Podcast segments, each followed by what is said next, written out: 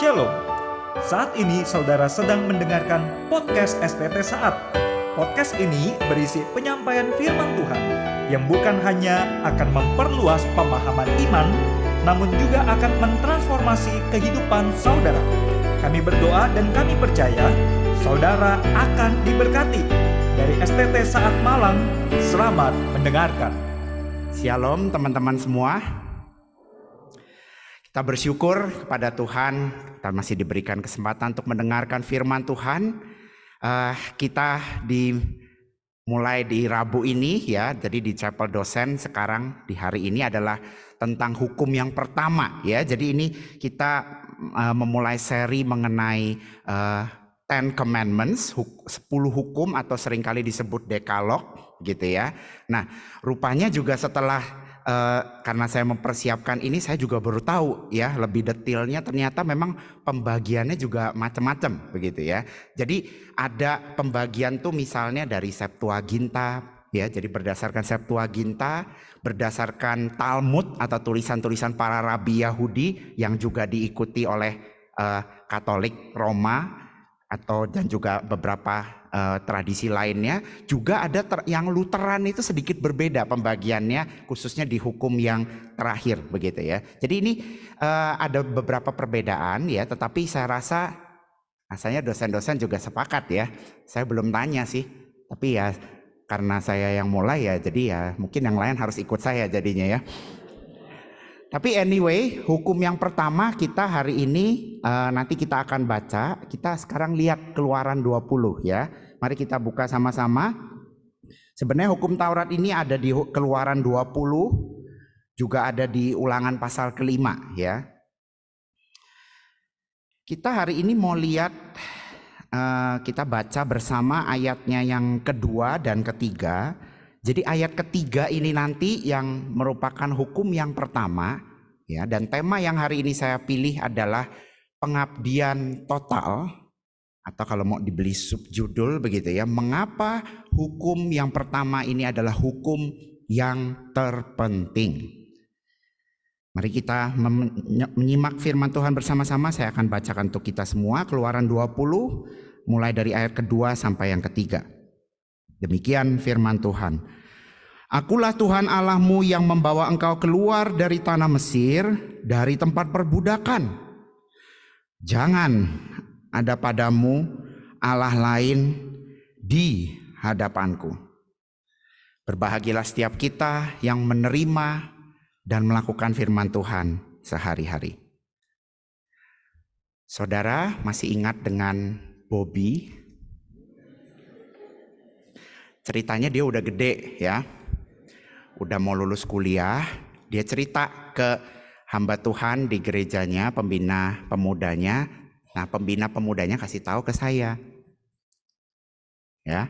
Nanti saudara bisa tebak-tebak sendiri kalau ada yang mau tahu bisa tanya nanti ya siapa pembina pemudanya supaya bisa nebak-nebak nih Bobby ini sebenarnya jemaat mana sih.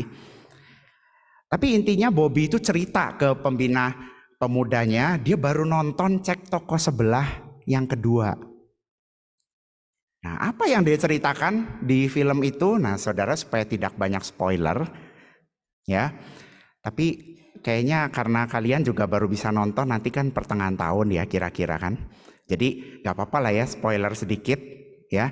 Intinya si Bobby ini sebel banget sama si ibu-ibu yang menjadi mamahnya Natali ya salah satu pemeran utamanya yang diperankan digantikan ya oleh Laura Basuki ya. Nah si ibunya ini kan nyebelin banget ya saudara kalau yang udah nonton kan mulutnya aja.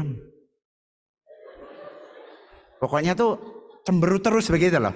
Kalau ngomong juga gayanya tuh memang kayak ratu lampir gitu kan ya. Mengerikan lah pokoknya saudara kalau lihat tuh juga mungkin bisa nggak suka begitu lihat ya. Nah si ibu itu intinya dari awal itu menyebalkan sekali ya. Nah Bobby itu mengeluhkan, kok ya dia cerita ke pembina, pembinanya itu dia bilang, kok tahu nggak, mama papaku juga mirip kayak begitu. Kenapa? Aku dari kecil ini diatur terus. Gak pernah dikasih kebebasan. Aku mau sekolah di mana Kuliah di mana? Nggak pernah dikasih kesempatan. Selalu diatur dari awal ya. Mau daftar aja. Nggak ada. Dikasih kebebasan disuruh cari begitu ya. Kira-kira kamu mau jurusan apa enggak? Pokoknya kamu harus ambil jurusan ini supaya bisa kerja itu. Ya maksudnya meneruskan bisnis orang tua. Lalu dia bilang juga udah gitu aku mau punya pacar aja. Diatur-atur. Gak dikasih kebebasan dan segini gitu. Terus si Bobby ini cerita juga, ini kan udah nggak zamannya begitu. Tuh lihat teman-temanku, kuliah kuliah seenaknya, kerja pilih sendiri. Apalagi pacar, udah punya lebih dari satu kebanyakan, ya. Dan banyak yang sudah sangat intim walaupun belum mau menikah dan seterusnya. Intinya Bobby ini mengeluhkan kenapa ya kok kita itu orang tua saya seperti itu dan bagaimana kalau menurut Koko begitu? Ya, nah saudara kalau menjadi pembina pemuda dari si Bobby ini, saudara akan jawab apa? Saudara kalau saya, saya setuju ya. Kadang-kadang memang ada orang tua ya. Saya juga punya teman-teman dulu waktu kuliah banyak yang digituin. Tetapi saudara kalau pikir-pikir baik-baik ya, Eh, orang-orang tua uh, yang seperti itu ya, kebanyakan uh, mereka itu bermaksud baik bukan? Ya, mereka tuh nggak mau anaknya bekerja yang sembarangan tanpa kejelasan begitu, dan mereka tuh nggak mau anaknya itu jatuh miskin lah begitu ya kira-kira. Memang kadang-kadang menurut saya juga caranya tidak boleh begitu. Tetapi saudara kadang-kadang saya takutnya ya film-film seperti ini memang baik ya cukup baik ya bisa dikatakan mendobrak status quo ya pola-pola yang ada. Tetapi saudara ada bahayanya ya. Menurut saya bahayanya adalah ini bisa jadi memberikan kepada diri kita natur kita yang sudah menyimpang dari Tuhan ini seolah-olah memang film-film seperti ini membenarkan bahwa kita itu seharusnya bebas sebebas-bebasnya. Peraturan itu menjadi sesuatu yang menyebalkan, menghilangkan, merampas kebahagiaan kita, dan membuat kita itu tidak menjadi diri kita sendiri. Saudara, banyak orang juga melihat kekristenan, khususnya Perjanjian Lama, dengan kacamata seperti itu, saudara. Saudara, misalnya ada seorang ateis, Christopher Hitchens, yang sangat terkenal ya. Best selling author, penulis buku dari God is not great. Subjudulnya saudara mau tahu? How religion poisons everything. Salah satu argumen yang terkenal yang dia sering pakai adalah dia bilang, kalau memang Allah itu ada, dia itu seperti eternal supervising parent. Orang tua yang kekal yang selalu mensupervisi kita. Dan ditambah lagi nggak cukup ya, itu aja udah image yang kurang enak begitu kan. Ditambah lagi Tuhan tuh seperti celestial North Korea. North Korea, Korea Utara yang di langit ya, di angkasa itu. Di dalam salah satu ceramahnya dia berkata, minimal ya di North Korea itu kita itu bisa kalaupun kita nggak tahan kita kabur mati. Ya sudah mati nggak apa-apa. Tapi di dalam kekristenan kita dari sebelum kita lahir saja sudah ditentukan sampai kita mati pun masih nggak dibebaskan. Dan Christopher Hitchens dengan humornya dia berkata that's when the real fun begins. Maksudnya ketika seseorang menolak diatur-atur oleh Tuhan, Tuhan itu juga masih akan mengejar dan memasukkan seseorang ke dalam neraka. Dan Christopher Hitchens ya, ketika dia mengatakan kalimat Who wants this to be true? Wah, itu orang-orang pada ketawa dan mungkin sebagian ada yang menepoki begitu ya. Entah tepokannya itu artinya apa, tetapi intinya banyak yang mungkin juga setuju. Saudara kalau itu Christopher Hitchens ya. Dia mungkin merasa kenapa ya Allahnya orang Kristen itu ngatur-ngatur seperti itu? Saudara kalau baca hukum tadi yang pertama, saudara merasakan nggak ya the force atau semacam kekuatan yang memaksa saudara jangan ada Allah lain di hadapanku. Ya. Itu kalau orang ateis saudara. Ada juga loh orang Kristen yang merasa hal-hal seperti ini ya Hukum-hukum seperti ini tuh udah gak relevan. Itu ada di perjanjian lama. Itu sudah bukan jadi harusnya ya gaya hidup orang Kristen. Seorang pastor yang cukup terkenal dan banyak idenya saya suka juga. Dan di dalam bidang kepemimpinan mungkin dia salah satu yang paling top di dalam kekristenan. Namanya Andy Stanley. Di Januari 2019 yang lalu dia menulis di Relevant Magazine ya dia menuliskan bahwa the Ten Commandments are no longer relevant. Ini orang Kristen saudara, dia bilang begitu ya. Saudara kalau baca ya tulisannya itu menarik sebenarnya ya. Dan orang pada umumnya mungkin akan banyak yang setuju. Dia bilang begini, kenapa ya kita ini orang Kristen sekarang memaksakan uh kalau pemerintah melarang 10 hukum itu ditaruh di depan gerejanya itu kita marah-marah. Coba pikir, ada nggak sih orang Kristen yang pernah memperjuangkan menaruh khotbah di bukit di depan gerejanya? Terus dia bilang juga, Tuhan Yesus itu datang bukan untuk menambah satu hukum lagi untuk orang Kristen lakukan, yaitu 614 ya. Maksudnya bukan tadinya tuh sekitar 613, bukan ditambah satu lagi untuk kita lakukan. Pemikiran seperti itu bukan Kristen, itu tuh berada di dalam relik-relik orang Israel. Tulisannya dia. Itu berguna untuk zaman dulu. Sekarang udah enggak lagi. Ngapain kita susah-susah? Dan saudara kalau baca artikelnya, saya nggak akan ceritakan semuanya di sini. Dia bahkan menuliskan gara-gara ini nih, ya, gara-gara kita tuh musingin perjanjian lama, khususnya Ten Commandments ini, ya, itu tuh yang bikin kekristenan tuh jadi kacau. Saudara baca sendiri tulisannya, ya. Tapi intinya kalau kita melihat orang seperti ini ya, ya di zaman sekarang yang semakin orang tuh berpikir, kenapa sih agama Kristen tuh eksklusif banget? Kenapa harus ada satu Allah aja yang benar? Memangnya mungkin ide seperti itu? Lalu kenapa kita harus memberikan diri kita sepenuhnya? mengabdikan hidup kita sepenuhnya. Saudara, saya rasa ada banyak pertanyaan-pertanyaan yang mungkin beredar saat ini. Kita mau melihat dua pertanyaan secara umum saja hari ini ya. Ada dua pertanyaan yang akan kita renungkan dari apa yang contoh-contoh tadi ya. Yang pertama, apakah Allah itu seorang diktator? Dan yang kedua, apakah Injil yaitu atau kekristenan atau perjanjian baru itu selalu bertentangan dengan perjanjian lama atau dengan hukum Taurat. Artinya apakah kita ini sekarang masih perlu hukum Taurat khususnya 10 hukum ini dan hukum yang pertama ini di zaman ini.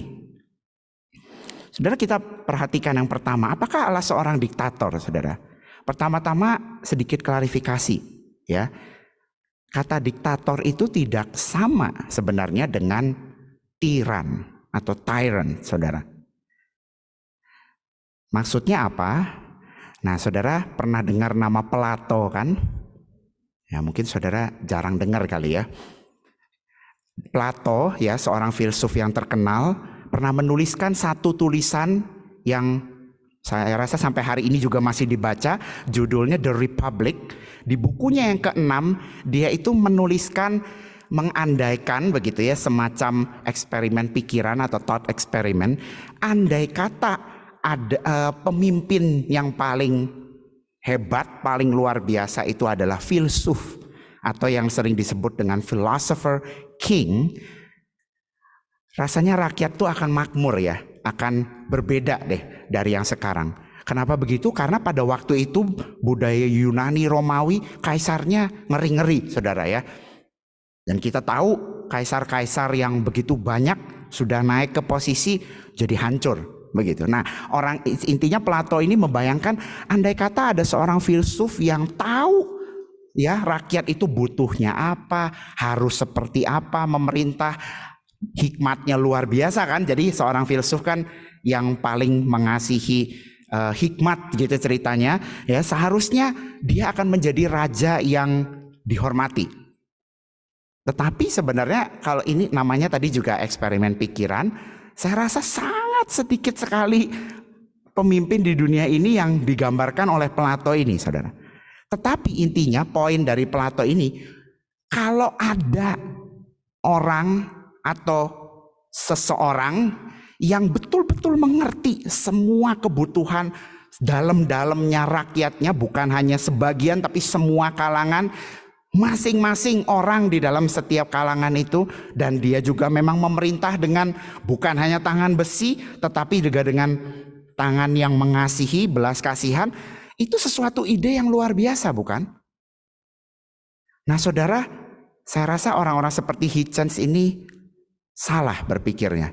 Ketika dia berpikir bahwa Allah itu seperti Kim Jong Il atau Kim Jong Un, dia lupa bahwa Kim Jong Un, Kim Jong Il itu hanya manusia, layaknya dengan pemimpin-pemimpin yang lain yang tidak baik, yang akhirnya memimpin dengan tangan besi, mendikte setiap langkah, mensurveillance semua tindakan daripada rakyatnya. Mereka tuh lupa itu hanya manusia. Tetapi bukankah Tuhan itu berbeda, saudara? Saudara ketika Tuhan tadi digambarkan ya memberikan perintah jangan ada Allah lain. Kenapa kita membaca ayat sebelumnya tadi? Saudara perhatikan kembali ya. Ketika Tuhan mengatakan akulah Tuhan. Saudara ingat ya kalau di Alkitab kita kata Tuhannya itu T lalu huruf besar semua tapi sedikit dikecilkan itu artinya merujuk kepada YHWH itu bukan? Yang di dalam uh, bahasa Yunani itu kurios itu loh, Lord.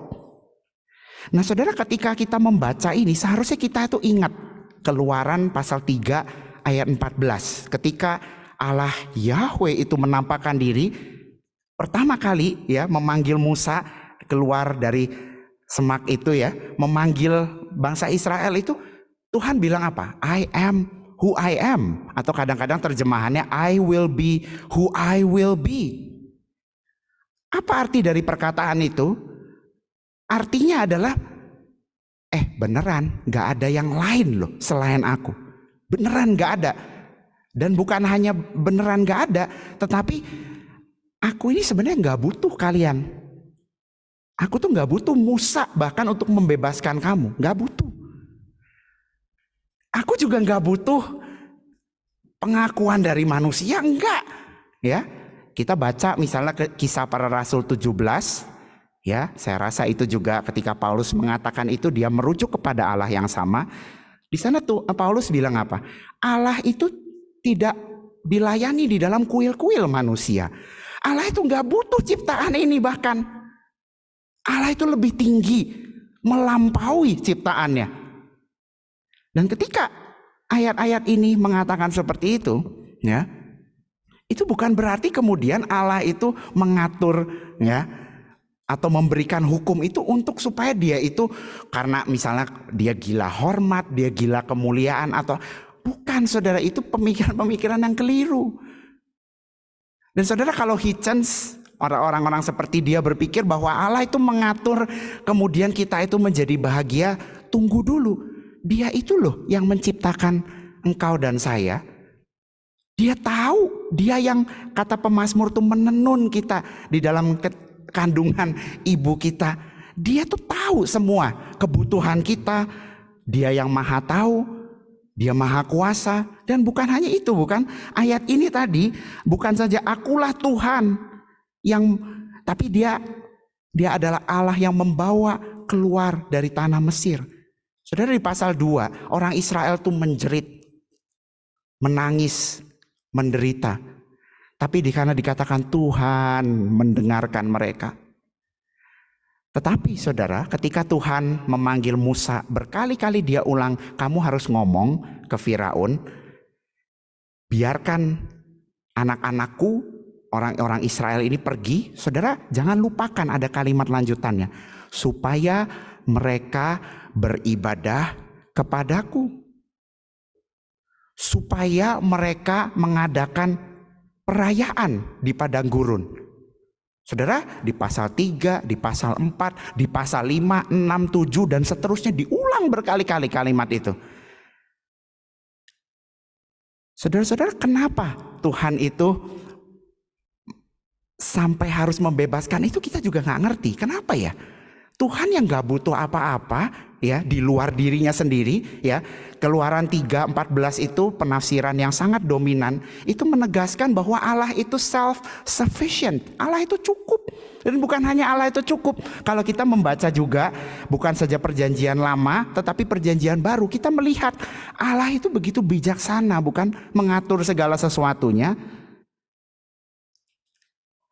Masihkah kita ragu Ketika dia bilang jangan ada Allah lain di hadapanku itu bukan karena dia itu merasa tersaingi juga ya. Karena ada banyak rival ya seperti kaisar-kaisar zaman dulu ya ketika ada saingan wah ini keluarga saya ini ada kemungkinan naik nih ya menjadi kaisar tandingan bagi saya.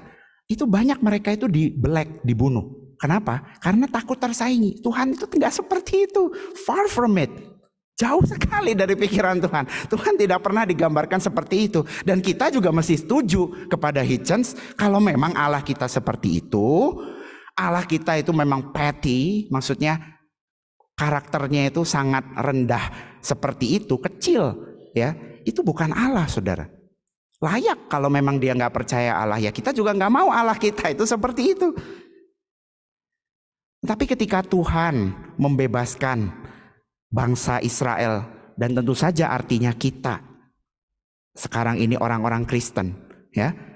Kita yang gereja di Galatia itu disebut the Israel of God. Kita inilah umat kesayangannya bukan? Di Keluaran 19 ketika Tuhan mengingatkan Musa ya bahwa aku sudah membebaskan kamu, kamu itu akan menjadi umat kesayanganku. Saudara ketika Tuhan mengatakan itu ya, uh, ada seorang yang berkata, kenapa sih Tuhan tuh harus memberikan hukum ya, mengatur-ngatur? Itu karena Tuhan tuh mengasihi kita sesungguhnya, karena Dia tahu itulah yang terbaik buat kita. Maka itu Abraham Kuyper, seorang teolog dari Belanda, dia ketika menafsirkan kali ini ya, hukum pertama ini dia menuliskan begini implikasinya. Kita harus membiarkan Allah menjadi Allah. Let God be God. Dia mengatakan jangan kita menghina keberadaan dirinya, his being, naturnya, karakternya, jangan kita hina. Tetapi hiduplah sepenuhnya hanya bagi dia di bawah dia, dimaksudnya di bawah kekuasaannya, perintah-perintahnya dan melalui dia. Kenapa Saudara? Karena tidak bisa kita hidup di luar Tuhan, bukan? Tidak bisa. Kalau kita membaca kisah para rasul 17 itu tadi, ya. Di sana manusia itu dibilang diciptakan untuk mencari Allah kemudian. Kenapa demikian? Karena memang manusia tidak bisa hidup tanpa Allah. Dan itulah desain kita dari semula. Nah sekarang kita mengatakan hukum Taurat itu nggak relevan. Gak perlu lagi kita. Nah, apakah memang betul seperti itu? Nah, kita move on ke pertanyaan yang kedua sekarang. Apakah memang Injil perjanjian baru ya, the new covenant itu betul-betul totally separated, discontinue ya dari perjanjian lama? Saudara, saya kira ini pemikiran yang memang saya bisa mengerti ya, ketika ada orang berpikir seperti ini. Memang ada ayat-ayat yang Misalnya di seperti di Galatia pasal ketiga ya. Dan ada ayat-ayat yang lain itu yang memang mengindikasikan hukum Taurat itu sepertinya sudah berlalu. Ya, ketika Tuhan Yesus di Matius pasal kelima juga mengatakan, ya kan, mulai ayat ke-17, Tuhan Yesus tuh bilang tidak ada satu iota pun yang akan lewat ya, maksudnya tidak digenapi oleh aku ya, itu juga bukan berarti semua hukum, maksudnya hukum Taurat itu masih berlaku ya. Jadi ini uh, kita tidak membahas terlalu dalam mengenai uh, apa saja hukum-hukum yang harus kita taati sekarang. Tetapi saudara, minimal ya, minimal 10 hukum ini saya rasa itu masih sangat relevan sekali. Ya, ini yang sering disebut oleh para teolog ya dan ahli-ahli biblika sebagian ya walaupun ini kurang populer lagi ya. Tapi ini masuk ke dalam kategori moral command atau moral law sebenarnya. Ya jadi ada ceremonial cultic law dan ada mungkin ada yang lain lagi. Tetapi intinya 10 hukum ini seharusnya masih masuk saudara. Kenapa demikian? Karena ya itu tadi karena hukum ini baik untuk kita saudara Saudara, salah satu implikasi daripada hukum yang pertama ini jangan ada Allah lain adalah hati-hati dengan idolatry. Saya juga tidak mau terlalu banyak mengambil porsi pengkhotbah di minggu depan. Tetapi intinya kenapa Tuhan tuh melarang ya? Tadi di kisah para rasul 17 yang saya kutip juga ketika Paulus berkata Allah itu nggak seperti patung-patung emas ya. Pada waktu itu orang-orang Yunani itu kan banyak ya dewa-dewinya yang mereka munculkan dalam bentuk patung dan kemudian mereka sembah itu Tuhan tuh nggak seperti itu. Kenapa? Dan kalau kita melihat di perjanjian lama berkali-kali ya bukan cuma di bagian ini saudara ini baru awalnya aja nih. Tetapi kalau kita baca ya dari di raja-raja dosa yang paling utama mereka lakukan tuh apa sih? Idolatry. Mereka merasa Allah yang membebaskan mereka dari tanah Mesir itu not good enough. Bayangkan. Di pasal ke-32 dari keluaran kita juga mendapati kok bisa ya orang Israel itu bikin lembu emas yang dari mana saudara? Dari anting perhiasan barang-barang dibakar ya dipanaskan dibikin lembu terus mereka bilang ini loh Allah Allahmu, Allah kita yang membebaskan kita dari Mesir. Kayaknya kalau saya jadi Tuhan ya, saya benar-benar geleng-geleng dan akan bilang, kayaknya nggak ada yang sebodoh lu, lu orang deh. Nggak masuk akal kebodohannya saudara. Ini orang Israel bilang ini loh, ini ini Allah yang membebaskan dari ini loh bikinan kamu sendiri cuy. Bisa apa? Bisa apa dia? Emangnya gerak aja bisa? Enggak. Saudara, saudara ketika membaca, saya sih membaca ini tuh heran loh. Heran, kenapa ya bangsa Israel tuh kok bisa sebodoh itu? Saudara, kalau kita membaca Yesaya pasal 6, Mazmur 115, saudara baru akan mengerti Kenapa orang yang menyembah berhala itu menjadi bodoh seperti itu? Seorang ahli perjanjian baru, G.K. Bill, pernah menulis satu buku. Dia mengatakan, "We become what we worship." Saudara, manusia yang menyembah dirinya sendiri atau ide-idenya, agama-agamanya sendiri, yaitu nasibnya itu ya jadi seperti itu loh. Dan saudara, Tuhan terlalu mengasihi kita, seorang penulis berkata, untuk membiarkan kita di dalam kondisi yang seperti itu. Tetapi saudara kadang kita harus mengerti ya, ketika Allah memberikan perintah itu tuh memang membatasi ya, di dalam keterbatasan kita kita tuh nggak bisa melihat. Tetapi saudara, bukankah Tuhan Yesus berkata ya, jadi ini saya mengatakan sebenarnya perjanjian baru itu nggak terlalu beda loh. Karena Tuhan Yesus berkata, "Jikalau kamu mengasihi aku, Yohanes 14:15, kamu akan menuruti perintahku." Dan Saudara, apakah perjanjian baru itu kurang perintah-perintah kamu harus begini, harus begitu? Enggak juga.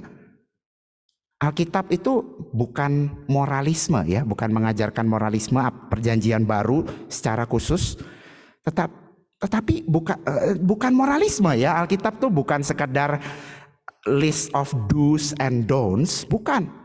Tetapi jangan sangka Alkitab itu anti moralitas. Saudara, kadang-kadang kita harus hati-hati ya. Saya tahu Injil itu memang yang utama, tetapi hati-hati. Jangan-jangan kita itu di dalam khotbah, di dalam teologi kita, kita itu mereduksi firman Tuhan seolah-olah oh firman Tuhan tuh ngomongin cuman ini. Hati-hati kalau kita sudah punya pikiran oh uh, hukum Taurat itu melelahkan jemaat kita, akhirnya kita bilang Kristus membebaskan kamu nggak perlu melakukan hukum Taurat. Hati-hati loh. Karena saudara dekat sekali dengan seorang yang disebut oleh beberapa historian sebagai the arch heretic atau menurut Polikarpus berdasarkan pengakuan Irenaeus adalah seorang yang dari setan namanya Marsion yang membuang perjanjian lama karena dia bilang Yahweh is different from the God of Jesus. Beda. Hati-hati saudara. Ya. Dan dia disebut arch heretic. Kenapa? Karena memang implikasi kita mensever, memisahkan, memotong perjanjian lama dari perjanjian baru itu sangat luar biasa sekali. Ya, tidak sedikit saya juga baru tahu sarjana-sarjana justru antisemitisme itu juga berdasarkan ini. Saudara. Saudara, jadi hati-hati kalau kita berpikir bahwa Tuhan itu membebaskan kita, kemudian artinya kita sebebas-bebasnya. Tidak. Seorang teolog atau ahli biblika juga yang terkenal namanya Richard Bauckham, dia pernah mengatakan the Exodus was liberating actually because it was not a liberation of Israel from any rule at all, but liberation from Pharaoh's oppression to the service of Yahweh. Saudara, kalau mau dikatakan Allah Yahweh itu sebenarnya ada beberapa ya, tulisan tuh yang mengatakan sebenarnya Yahweh itu seperti Firaun ilahi. Bedanya dia itu bukan manusia. Seperti yang tadi di poin nomor satu kita bahas. Dia bukan manusia, dia bukan Firaun yang bebal, yang kejam, yang tidak mengerti bagaimana mengatur rakyatnya dengan baik. Tuhan itu beda. Dia adalah Allah Yahweh. Allah yang berjanji akan selalu bersama-sama dengan kita yang kasihnya tidak pernah meninggalkan kita sampai-sampai dia memberikan dirinya semuanya untuk kita. Kurang apa lagi? Saudara-saudara.